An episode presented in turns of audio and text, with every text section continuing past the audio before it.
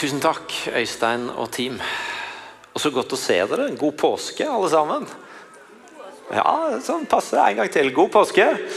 Ja, flott å se dere. altså Utrolig gøy å se så mange folk her og, eh, og komme sammen igjen og virkelig ha påskefest.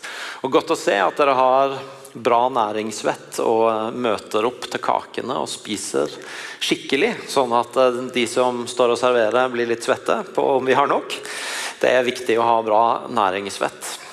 Håper du har hatt ei god påske. Jeg har vært hjemme hos min mor sammen med familien min. Hun er rukket å bli 83 år eh, og ynder å si ved hver eneste servering når noe kommer på bordet ja, ting er veldig enkelt her nå om dagen.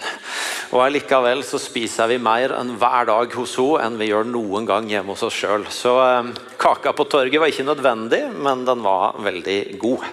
Ikke minst så var det godt å se dere. Vi skal eh, vi skal eh, stoppe litt opp for oppstandelsen, og vi har allerede sett historien fortalt på film. Eh, men vi skal allikevel ta oss tid til å bare lese eh, første del av fortellinga om den tomme grava, sånn som den står hos evangelisten Johannes. Der står det i Johannes 20. Tidlig om morgenen den første dagen i uken, mens det ennå er mørkt kommer Maria Magdalena til graven. Da ser hun at steinen foran graven er tatt bort.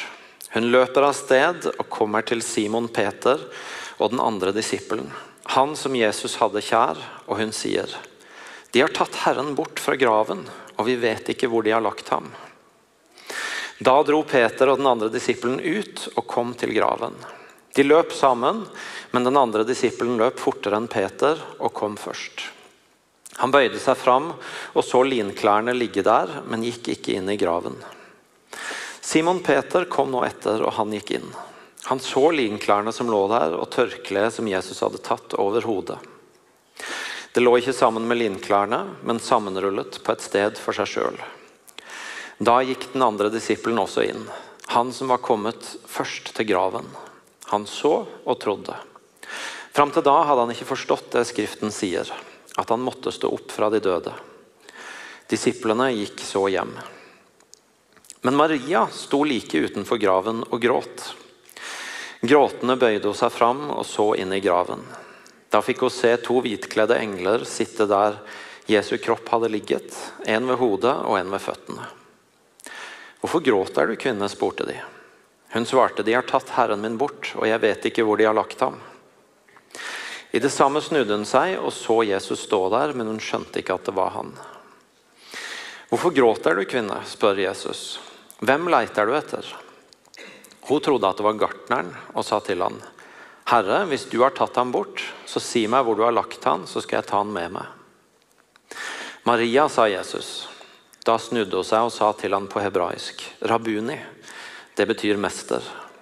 Jesus sier til henne, rør meg ikke for jeg har ennå ikke steget opp til far. Men gå til mine brødre og si til dem at jeg stiger opp til Han som er min far og far for dere, min Gud og deres Gud. Da gikk Maria Magdalena av sted og sa til disiplene, Jeg har sett Herren. Og hun fortalte hva han hadde sagt til henne. Hvilken plass skal troa, eller enda mer spesifikt Jesus, ha i livet?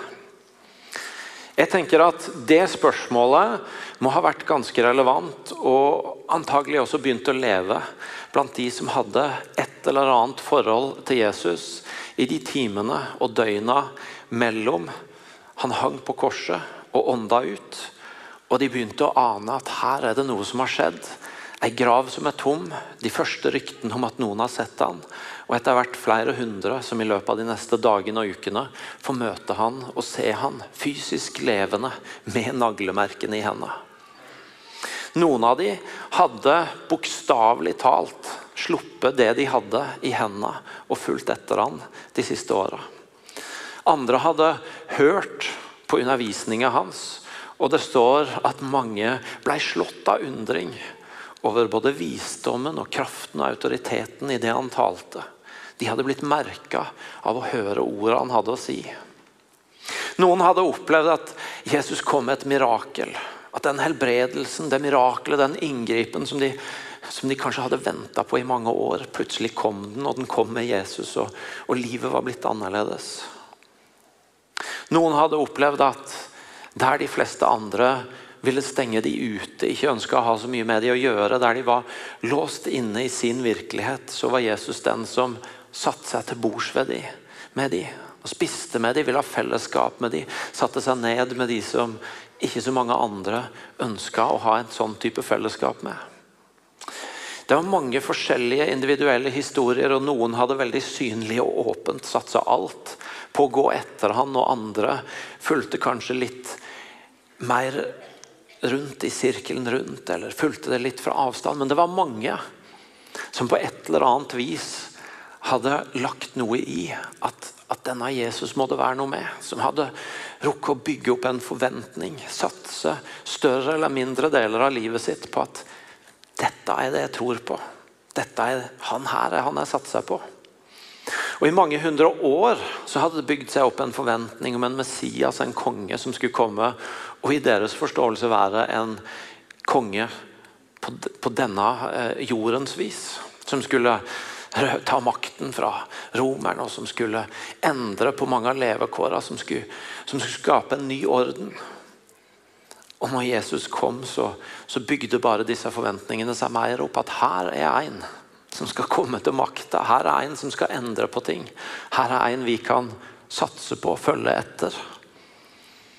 Og så må de jo ha kommet inn i påsketida med litt av et moment. Ikke, ikke, like tøft å komme ridende på et esel som på en hest, men det var i hvert fall palmegreiner, og det var hosianna-rop, og det var, det var, et eller annet som skjedde rundt Jesus. Det var noe som bygde seg opp. Og Han går inn i tempelet og rensker alle disse salgsbodene og på en måte skaper furore. Når folk kommer og skal gripe han i ord, så, så så blir han ikke grepet i jord. Det er han som setter de fast. Om ikke alt var stort og prangende ved Jesus, så må det ha vært en sånn følelse av å være med på et eller annet som, som er på gang. Noe som reiser seg opp. Og så snur jo stemninga. Noen har begynt å være ganske tidlig at noe er på gang. Det står i Markusevangeliet om noen av disiplene at allerede på vei til Jerusalem så var de litt oppspilt og redde. De skjønte at en eller annen konfrontasjon nærmer seg. Men for en del andre så var det kanskje først når de gikk ut i natta på langfredag og han ble tatt til fange, at det for alvor begynte å skjønne at ok, her er det et eller annet som snur. Her er det ikke sikkert vi er på vinnerlaget likevel. Og det står innen Jesus henger på korset og Ehm, og ånder ut, så står det hos evangelisten Lukas at ehm, alle de som kjente han, sto på avstand og så på. Innen da så hadde de begynt å Ok, hvor skal jeg plassere meg i forhold til dette? Hva er det en del av, og hva betyr dette for meg? Og En kan jo ane at de må ha lurt der de sitter eller står. Det står at noen av de kom sammen og gjemte seg bak låste dører. Og, og, Mange vet vi ikke nødvendigvis hva de gjorde, men de må jo ha lurt. Hva skjer nå? Hva skjedde nå? Hvordan snudde det så fort? Og hva skjer nå? Hva, hva, hva nå?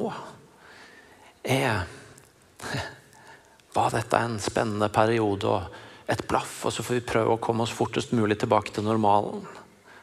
Kan alt det vi lærte, alt det som ble undervist, er det noe vi kan fortsette å undervise og feste lite for det om han ikke er der? Er noe av den krafta, de miraklene, det, det, vi så rundt han, kan det på et eller annet vis leve videre? Er det vi som skal bære videre visjonen for det om han ikke er her? En kan bare ane at her må det ha vært spørsmål. Hva, hva betyr dette for oss nå? Hvilken plass skal denne Jesus ha i livet vårt nå? Og så kommer denne påskemorgen, hvor de første begynner å møte ei tom grav. Og de første begynner å møte en Jesus som er stått opp. Som har naglemerkene i hendene som viser at jo da, det er med. Og det var sant, det dere så. Det var ikke en illusjon, det var ikke en vond drøm. Jeg blei korsfesta, Men nå står jeg her, og jeg lever. Det er jo helt utrolig. Hva skal man tenke? Det er kanskje ikke så rart at det står både her om Maria, og det står seinere om flere at de kjente han ikke igjen med en gang. Men så er han der altså, som den levende, som den som er stått opp fra de døde. Og så forandres alt igjen. Så er han konge, men, men ikke den kongen de først trodde. En annerledes konge. Og så er han den oppstandende som har vunnet over døden. Og så er det ikke sånn at i det øyeblikket de første ser det, så, så er alt på plass igjen. og så er alt forandra, og så er det bare strake veien fram. Nei, vi ser at de bruker tid på å forstå det, de bruker tid på å kjenne han igjen. De, de bruker tid på å samle seg om å, hva, hva betyr dette nå? Han er den oppstandende. Men litt over litt så begynner det å gå opp for dem. Litt over litt så begynner de å forkynne det. Og i åra som kommer, så blir dette at han lever, at han er oppstått, det blir grobunnen for en bevegelse som lever den dag i dag. Det blir grobunnen for en sånn relasjon til Jesus som mennesker den dag i dag kan leve i. Den blir utgangspunktet for at massevis av folk og teologer må tenke om det, må skrive om det, må dikte sanger om det, må fortelle om det, må forkynne om det. Og ikke minst at masse, massevis av mennesker får et møte med en som ikke bare er et minne, som ikke bare er en historie, men som er en som sto opp, og som lever. Og så blir denne tomme grava selve skillelinja på det vi tror på. Paulus han sier det ganske rett ut når han har fått litt tid på å reflektere over ok, Jesus var ikke bare en vis mann. Jesus var ikke bare en som gjorde mirakler. Jesus var ikke bare en, en god mann som så de ingen andre så. Men Jesus var han som vant over døden, som er den oppstandende. Han er den levende. Og Paulus han skriver at er ikke Kristus stått opp, da er vårt budskap tomt og deres tro er også tom. Da står vi som falske vitner om Gud, for da har vi vitna imot Gud når vi sier at han har oppreist Kristus, noe han ikke har gjort hvis døde ikke står opp. For hvis døde ikke står opp, er jo heller ikke Kristus stått opp. Men hvis Kristus ikke er stått opp, da er deres tro uten mening, og dere er fremdeles i deres synder. Da er også de fortapt som har sovna inn i Kristus. Hvis vårt håp til Kristus gjelder bare for dette livet, så er vi de ynkeligste av alle mennesker. Paulus er ganske, han legger ikke noe imellom. og Han, han legger egentlig alle egga i én kurv. Han, eh, han, han, lar det ikke være noe tvil om hva som står på spill, på om Jesus er stått opp eller ikke. Men heldigvis så fortsetter han med bekjennelsen. da, Men nå er jo Kristus stått opp fra de døde. Som førstegrøden av de som er kommet inn. Fordi døden kom ved et menneske, er også de dødes oppstandelse kommet ved ett menneske. For slik alle dør pga. Adam, skal alle få liv ved Kristus. Nå er han oppstått, han er den levende, og i det så er det liv for de som, alle de som kjenner han, som tror på han, som vil gå med han. Og Den erkjennelsen, den sannheten, den har levd til den dag i dag, og den har berørt menneskers liv til den dag i dag. Og jeg hadde lyst til at Nå skulle dere få møte et par mennesker som har opplevd det. Vi skal få møte flere i løpet av de neste minuttene, men først ut så skal dere få møte to stykker som går på Akta bibelskole. Det er sånn at vi har en bibelskole her på huset som har masse flotte studenter. En god gjeng av de er fra Norge. Og så er vi også hvert år velsigna med at det kommer en god gjeng fra andre steder i verden og er en del av en sånn global linje på Akta. Og nå skal dere få møte to av de, og det er Randi som er læreren de sin og kjenner de sin best, som skal geleide de gjennom å dele litt. Så nå må dere ta de godt imot med en applaus.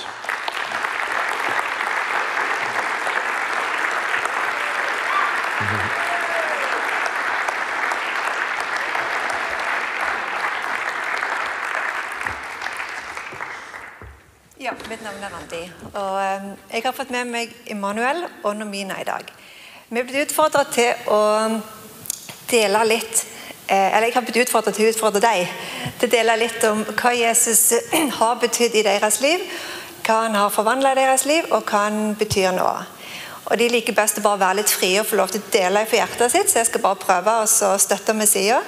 Så Normina, can you share a little about your background and uh, what Jesus has done in your life? I yeah. Um, my name is Termina and I'm from Philippines.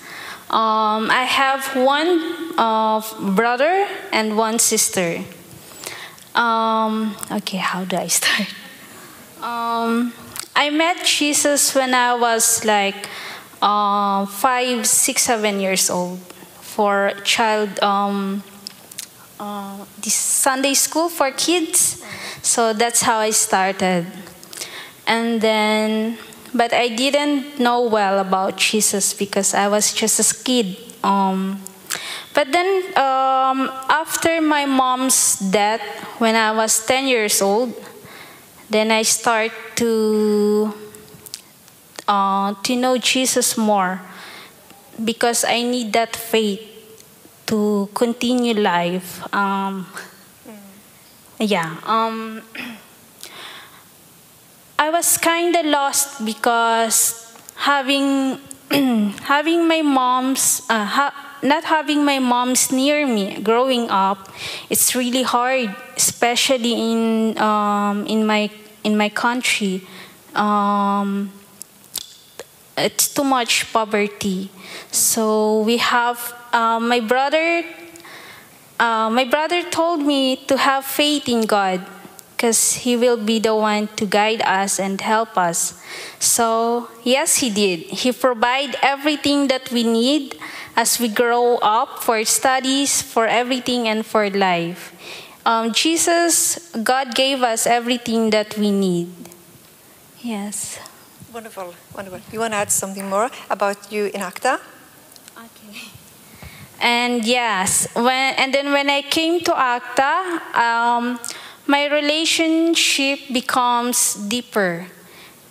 I have that small faith before, and when I came to ACTA, I have to um, I have to get it to have a deeper. I have to dig more.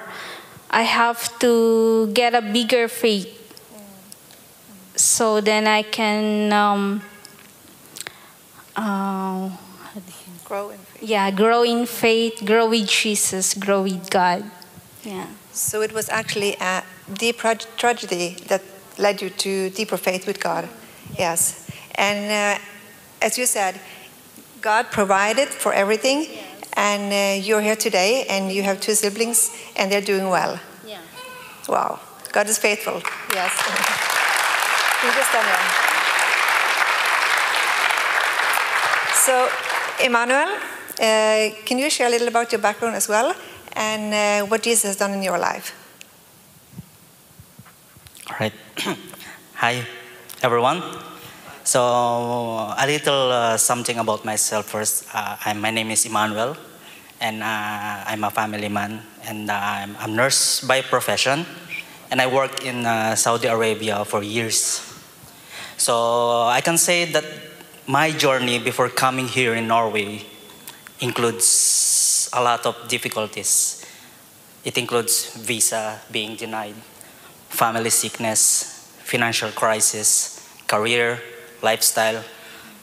Most of them I sacrifice uh, just to be here. So, uh, but during those times, there's a small voice. I mean, I'm hearing small voice talking to me. Don't give up. Hang on. You will be good. Everything will be fine. So I hold on onto that words.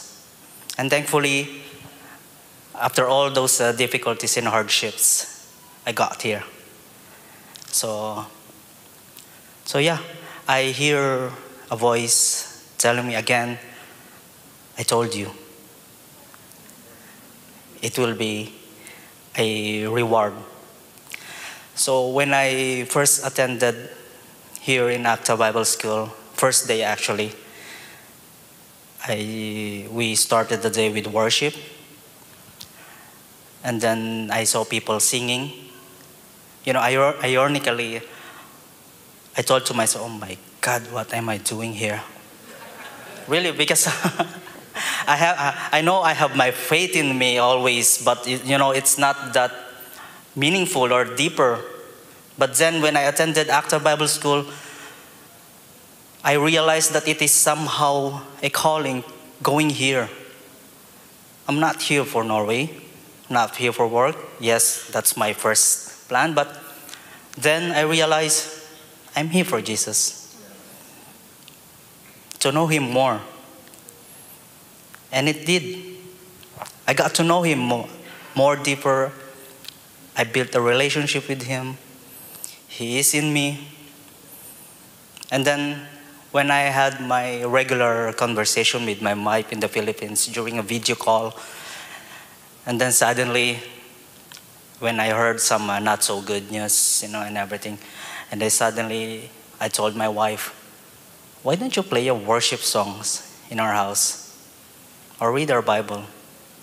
And then, you know, my wife told me, what have ACTA done to you? Really, sir. Really, she said that because, you know, I can say I'm not the good guy. I can say that one before. But then it's You not, are, maybe not there, but you are a good guy. No? yeah, maybe. yes. And then I told her, no, my dear, it's not ACTA. It's Jesus. Mm, amen. It's Jesus. Maybe I, I cannot say myself how it changed me, but I can feel it. It changed me. And because all of Jesus. Mm. Because of Jesus. And that's it. Jesus is risen and did. Presently speaking, nothing is certain for me now if I'm going to stay here in Norway or what. But whatever, who cares? I got my reward already. And it's Jesus. Thank you so much.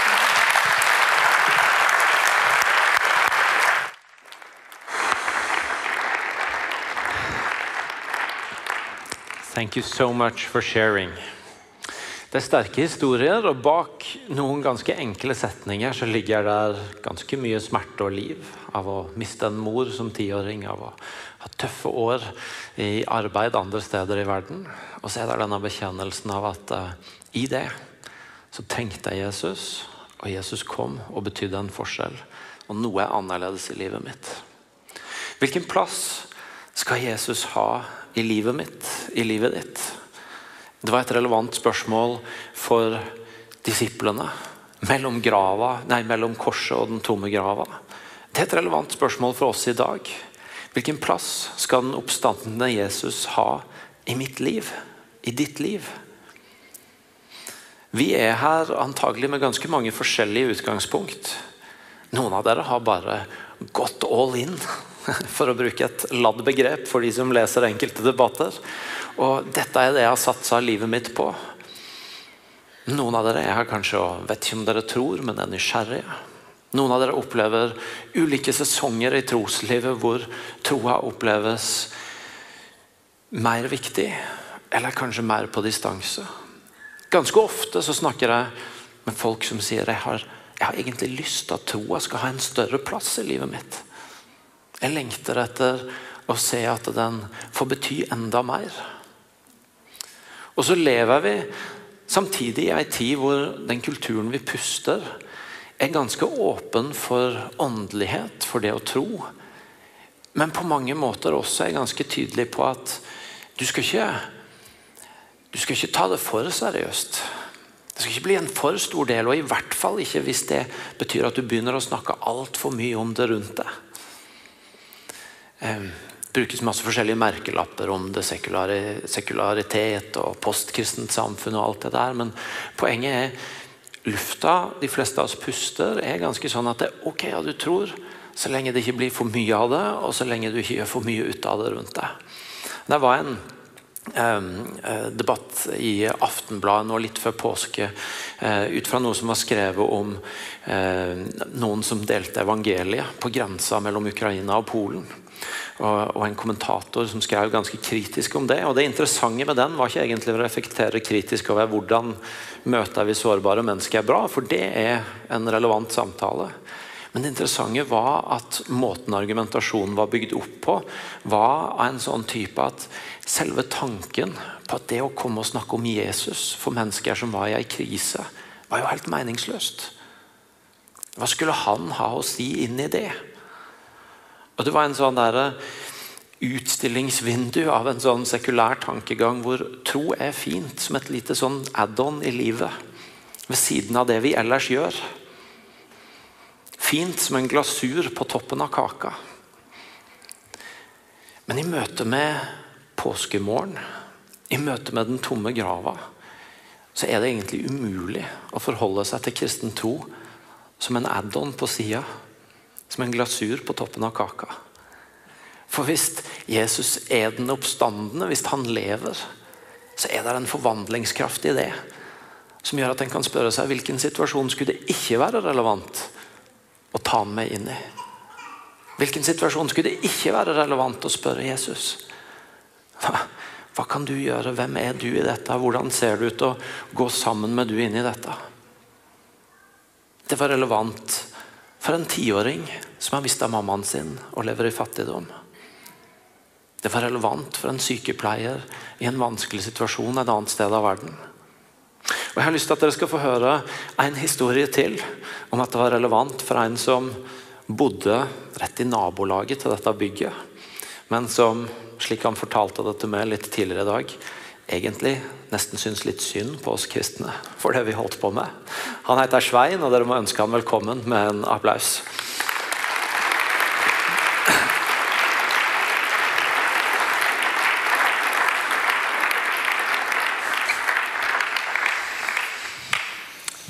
Ja, Svein. Det var det du sa til meg. Du, du bodde rett i nabolaget Aimi, men oss kristne syns du nesten litt synd på. Jeg Angrer allerede hva jeg sa. Fortell litt om bakgrunnen din, Svein. For av det så skjønner vi at du har ikke alltid trodd på Jesus.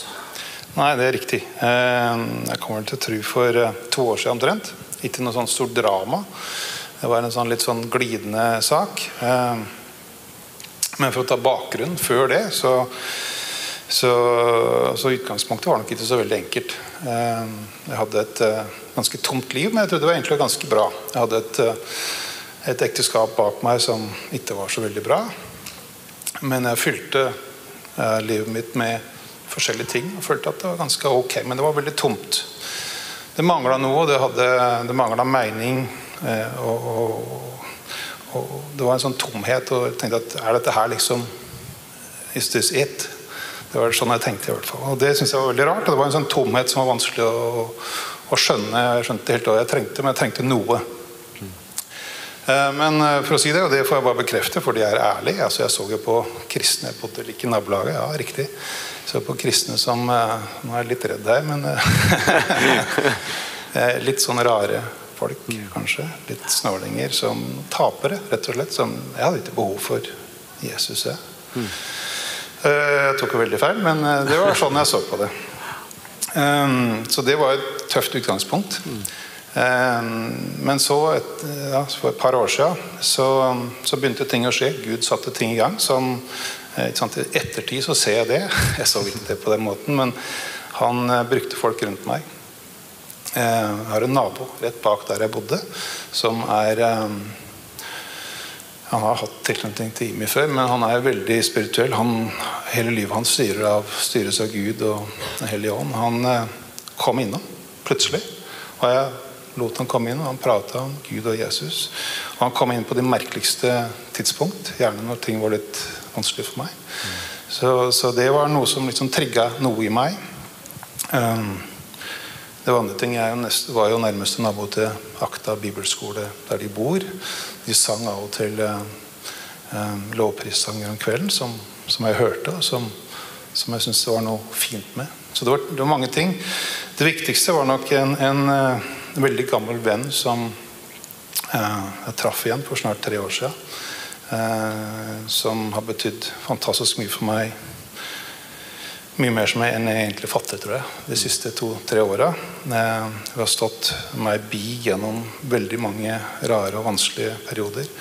Eh, Men hun bedde Jeg visste jo ikke det da, men hun hadde hatt mange bønner for meg for å bli omvendt. Eh, og hun pensla meg òg inn på en nysgjerrighet til kristendom og, og kristne ting. og Det var der det starta. Jeg fikk en, følte at her var det noe. Her er det noe det, det jeg liksom er ute etter, det som jeg trenger for å fylle livet mitt. Det er noe der. Det her var jo covid-10, så det var jo mye på internett. Jeg var jo nærmeste nabo til Imi-kirken, så jeg var ute her, for det var jo stengt. Men jeg så på en del ting på internett, søkte på andre ting. Jeg ble nysgjerrig. Og ble mer og mer nysgjerrig og ville ha mer. Jeg var her i kirka, satt helt bakerst der sammen med noen sånne skinnjakketøffinger. helt stille.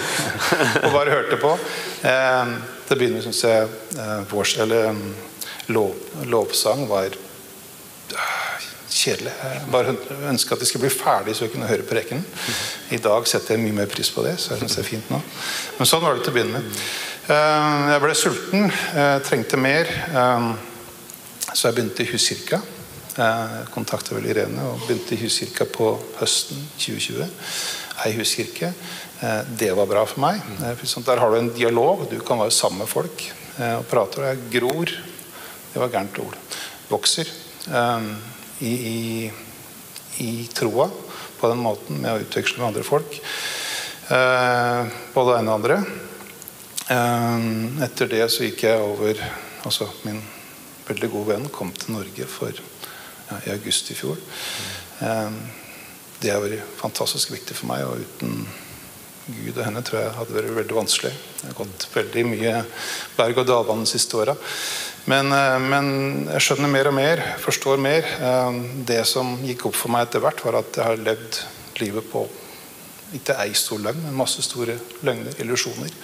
Jeg mente jeg hadde det egentlig ganske bra, og så videre, og at jeg trodde jeg var en ganske kjekk og grei kar, men det er jo ikke.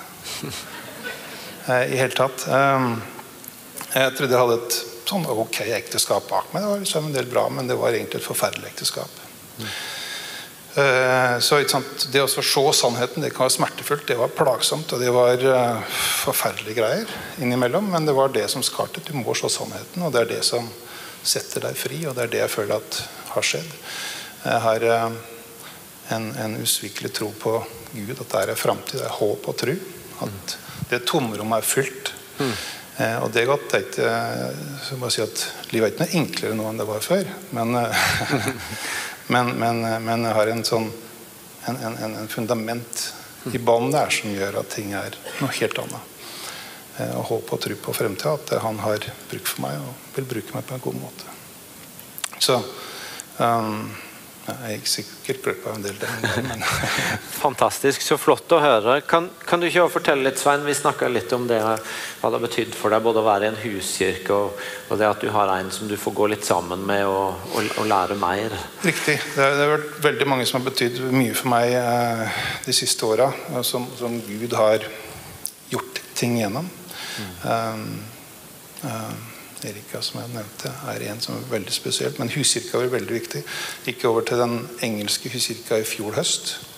Jeg prøvde begge huskirkene samtidig. Det gikk i stå litt etter hvert. Men uh, huskirka til Derek og Michaela jeg gikk over. Det var veldig bra for meg utvikla meg videre, følte jeg. Eh, Det er en veldig fin huskirke der ja, som jeg setter veldig stor pris på. Um, at, eh, og det var jo Derek som fikk det i gang, tror jeg. eh, Med at jeg fikk kontakt med en jeg Nå husker jeg fremdeles ikke etternavnet, men Per. Per? Ja, som, som tok på seg, og det var jo satte jo fantastisk pris på, tok på seg så ha en sånn én-til-én med meg. For sånn, der, er- du trenger ting. Eh, Jeg vil veldig gjerne gro. Jeg, er ikke, jeg bruker feil ord igjen. Vokse.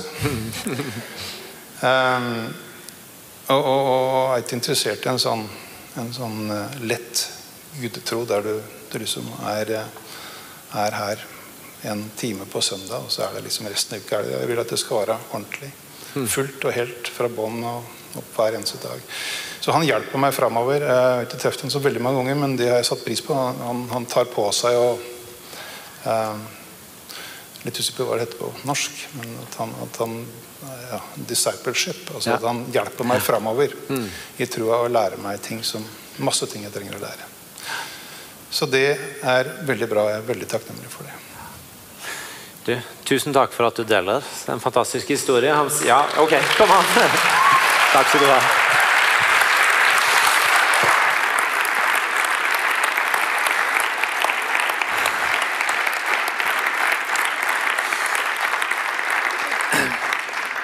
Livet er ikke nødvendigvis blitt enklere, men jeg har framtid og håp.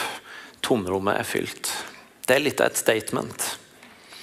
Og Det spørsmålet som har levd med meg inn mot denne påskefeiringa gjennom denne påska, det har vært det spørsmålet jeg allerede har stilt et par ganger. Hvilken plass skal Jesus, den oppstandende Jesus, ha i mitt liv? Hvilken plass skal han ha i ditt liv? Vi hører historier om forvandlingskraft. Vi møter en som det er umulig å bare forholde seg til som kjekt å ha der innimellom. Og så kan et sånt poeng høres litt sånn krevende ut. Nå må du stramme deg opp, nå må du bli seriøs i troa di. Og hvis Gud gjør det i livet ditt, så er det fint, men det er ikke det som er hjertet mitt. At du skal høre en oppstrammer. Det som er hjertet mitt, er at du skal høre en invitasjon til at han er oppstanden. Det er en forvandlingskraft med han. Vi har hørt tre historier nå om liv som er forvandla fordi Jesus fikk plass inn i livet. Og Hvordan ser det ut for meg, der er jeg, Og inviterer Jesus enda lenger inn i mitt liv? Og enda tydeligere feste min lit til at å, han lever. I han er det forvandlingskraft. I de tinga jeg møter, så er det ingen steder som er bedre å gå enn til han som har stått opp fra de døde. Og Så kan den reisen se forskjellig ut. Jeg har hørt om han som sto opp tidlig om morgenen og dekka på til seg sjøl og dekka på til Jesus. Og hadde frokost med Jesus for å ta han med seg inn i dagen. Jeg har hørt om han som starta dagen med å si 'Jesus, gi meg dine øyne i møte med eh, de menneskene jeg møter i dag'. Jeg har hørt om læreren som begynte tidligere på jobb etter sommeren for å gå og be for hver elev, hver pult i klasserommet før de kom. Jeg har hørt om konfirmantlederen som har på alarm på telefonen sin hver dag for å bli minnet om konfirmanten hun skal be for gjennom dagen. Lista kunne fortsette. Poenget er ikke én fasit. Poenget er ikke stram deg opp, men poenget er hvordan ser det ut for meg og du å invitere han som lever og som forvandler liv, enda tydeligere inn i livet vårt. Og gi han plass og gi han rom, sånn som vi har hørt i historien i dag. Skal vi reise oss opp og be sammen? Takk, takk Jesus, for at du er oppstått, og for at du har forvandlingskraft i deg. Takk for at du blei forskjellen for ei jente på ti som mista mammaen sin. Takk for at du blei forskjellen for en ung mann i et land hvor livet var vanskelig. Takk for at du blei forskjellen for Svein i de tinga han sto i. Og takk for at du kan være forskjellen i våre liv. Og takk for at du ønsker å komme inn. Nå ber jeg deg, Hellige Ånd, om at du bare kommer og taler til den enkelte av oss. Og, og lar oss få være i dette spørsmålet. Hvilken plass skal han som har stått opp, ha i livet mitt? Hvordan ser det ut å invitere han som har forvandlingskraft med seg inn i det som er mine dager og mine utfordringer? Kom og ta plass, Jesus i livet mitt, i livet vårt, i livet til denne menigheten.